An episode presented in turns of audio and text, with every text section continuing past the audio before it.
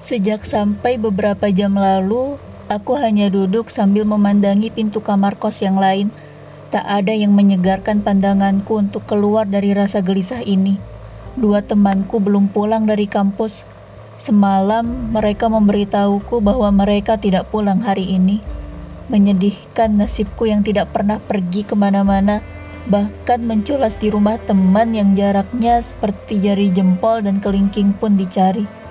Ku tarik napas sambil menekan tombol di samping ponsel untuk memastikan keberangkatanku. Wajah ini masih datar, tidak ada perubahan. Hanya jantungku yang memacu lebih cepat untuk menerima keadaan-keadaan buruk yang akan menimpaku nanti.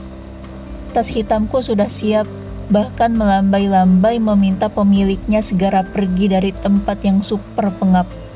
Sedikit lirikan manja ku arahkan pada kaca kecil dekat jendela. Bagus, bibirku membentuk segaris, sebuah pertanda kesigapan. Dengan cepat, jari jemariku bergerak indah di atas ponsel. Siap, belum lama memesan ojek online, bapak berbaju hijau itu sudah menepi di depan gerbang sambil mengulas senyum. Viko? Tanyanya. Aku mengangguk pelan-pelan-pelan saja, tidak usah cepat-cepat. Kakiku gemetar, sungguh belum pernah aku naik ojek ini adalah kali pertama aku takut diculik. Sudah siap teh? Katanya mencoba memastikan sebelum menancap gas. Aku mengangguk kecil. Sedikit memejamkan mata barangkali akan membuatku lebih tenang. Satu detik, dua detik, tiga detik. Mengapa motornya tidak jalan? Pak, kenapa belum jalan? Jalan teh, tadi nggak dijawab sih. Ditanya sudah siap atau belum. Ya Allah, Bapak ini tidak melihat aku mengangguk ternyata dengan perasaan yang entah salah atau tidak, aku hanya menyengir kuda saja. Si Bapak pun melajukan motornya perlahan. Sejak saat itulah gerakan batinku sedikit gemulai menatap pemandangan yang baru saja sempat dinikmati saat duduk di jok motor seperti ini. Tidak terlihat bagaimana ekspresiku sekarang menatap gedung-gedung Karawang ditemani panas yang membara pun aku senang jika mahasiswa baru yang lain sudah banyak pergi ke Mall Karawang, bioskop, Gramedia, aku bahkan baru melihat gedungnya saja. Begitu asyiknya mengamati, tak sadar motor telah berhenti melaju. Usai membayar uang sesuai dengan yang tertera pada aplikasi, kakiku dengan santai berjalan masuk ke dalam loket pembelian tiket yang padat sekali. Beberapa pekan yang lalu, kurasa tak sepadat ini Mungkin mereka memiliki keperluan pada waktu yang sama. Ke mana? Kata perempuan di balik kaca loket. Arah Purwakarta. Beliau segera menyerahkan tiket kepadaku. Dengan cepat, aku pun mengeluarkan uang 6000 dari tas. Tinggal beberapa menit lagi kereta sampai. Aku takut menemui ujung Purwakarta, padahal tujuanku Cikampek. Mataku menerawang tulisan-tulisan yang menempel di dinding stasiun Barangkali ada jawaban untuk pertanyaanku. Karawang, Kelari, Kosambi, Dawuan, Cikampek. Mulutku mengeja pelan di balik masker hitam yang kukenakan. Usai mendapatkan informasi yang sangat berharga itu, aku beranjak. Seruan untuk penumpang agar segera bersiap-siap telah nyaring dikumandangkan. Bu, ini kereta arah Purwakarta kan? Tanyaku mencoba memastikan. Iya teh, terima kasih bu. Selang beberapa detik setelah bertanya, akhirnya kereta datang juga.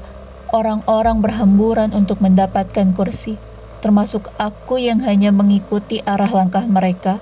Aku takut tertinggal. Selama beberapa pekan tinggal di Karawang, ibu selalu mewanti-wanti untuk tidak pulang naik kereta. Katanya, ketika kereta berhenti melaju, orang-orang akan berhamburan mendesak ke arah pintu yang tidak besar. Ibu takut aku terjatuh dan tertinggal. Bukan hanya itu, ibu berkata bahwa di dalam kereta banyak orang jahat. Hari ini aku nekat. Lagi pula ongkos naik angkot dua kali lipat dari kereta. Dengan keberanian yang berusaha aku kumpulkan sendiri, ku tatap orang-orang ramai memenuhi gerbong kereta. Bau ompol menyengat membuatku ingin muntah. Dan sialnya hanya ada satu kursi kosong di samping kamar mandi. Aku duduk dengan hati-hati sambil memerhatikan kanan kiri. Seulas senyum kutunjukkan pada seorang nenek-nenek dengan pakaiannya yang kotor. Beliau menyelipkan gulungan karung di ketiaknya. Mau ke mana, Bu?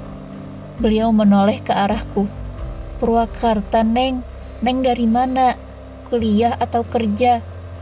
Saya dari Karawang, Bu mau ke Subang, di Karawang, kuliah.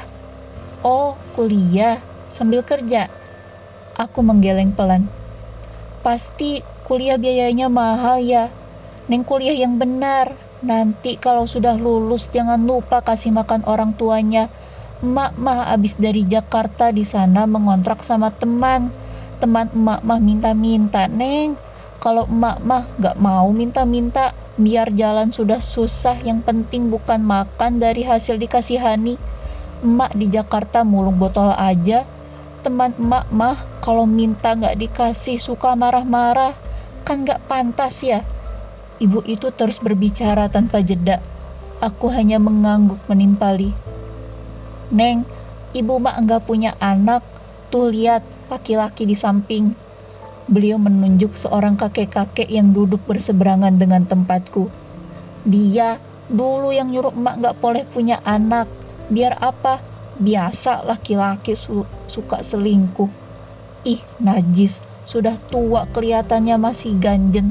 Pak, sadar, bentar lagi masuk liang lahat. Nenek itu tiba-tiba berteriak. Spontan aku terkejut. Aku tak bisa berkata apa-apa selain menatap wajahnya. Heh, Neng, jangan diladeni si tua bangka. Pergi, jangan duduk di sana, jangan sok kecantikan. Teriakan beliau ditujukan pada gadis usiaku yang duduk di samping kakek-kakek. Perempuan tersebut hanya menoleh sejenak, kemudian fokus kembali pada ponselnya. Setelah beberapa menit berada pada suasana menegangkan, aku mulai menyadari ada ibu-ibu yang melambaikan tangannya kepadaku. Beliau menyuruhku menghampirinya. Tanpa memandang nenek di samping, aku bergegas menghampirinya. Suasana damai yang semula berpadu telah bercerai-berai. Aku tak mengerti mengapa nenek itu marah sekali kepada suaminya. Ya, aku pikir kakek itu suaminya. Bahkan setelah aku pergi pun teriakannya masih mengembara memadati gerbong kereta yang sempit. Dari tadi juga ngomong sendiri, Neng, sudah di sini aja. Aku memaksakan senyum. Neng, dari mana dan mau ke mana? Dari Karawang, Bu, mau ke Subang, berhenti di Cikampek. Wah, sama. Ibu juga berhenti di Cikampek, di Karawang, kuliah di Unsika. Aku mengangguk. Sebenarnya, aku masih tegang karena peristiwa tadi. Anak ibu laki-laki kuliah di Unsika, jurusan manajemen. Neng jurusan apa? Pendidikan Bahasa Indonesia, Bu. Masya Allah, calon guru berarti. Lagi-lagi aku hanya tersenyum. Lumayan lama berbincang sampai aku tidak menyadari bahwa kereta sudah sampai di stasiun Cikampek. Ramai orang berdesakan untuk mendapatkan pintu keluar pertama. Aku masih menunggu mengantri di belakang hingga kereta sudah tak padat lagi. Berjalan perlahan sambil memerhatikan sekeliling. Aku bingung, arah pulang ke kanan atau ke kiri ya? Di sela-sela kebingunganku, tiba-tiba seseorang menggandeng lengan kananku. Terperanjat kaget, buru-buru aku mencoba memastikan siapa orang itu. Ibu, aku bisa bernapas lega. Ternyata beliau ibu-ibu yang tadi kutemui di gerbong kereta. Naik mobil di bawah jembatan layang, tanyanya. Iya bu, ayo sekalian. Beliau menuntunku pergi dari stasiun. Aku hanya diam saja mengikuti arah langkahnya. Entah mengapa beliau sebaik ini pada orang baru dan mudah percaya begitu saja. Bagaimana kalau nanti aku menjamret tasnya di tengah jalan? Ku tatap wajahnya yang banyak sekali cerita tentang rumah dan anaknya. Tidak tahu harus menjawab apa, aku hanya menjawab seadanya saja. Haus ya? Minum yuk. Beliau menuntutku ke minimarket. Untung saja aku masih ada uang untuk membeli minum.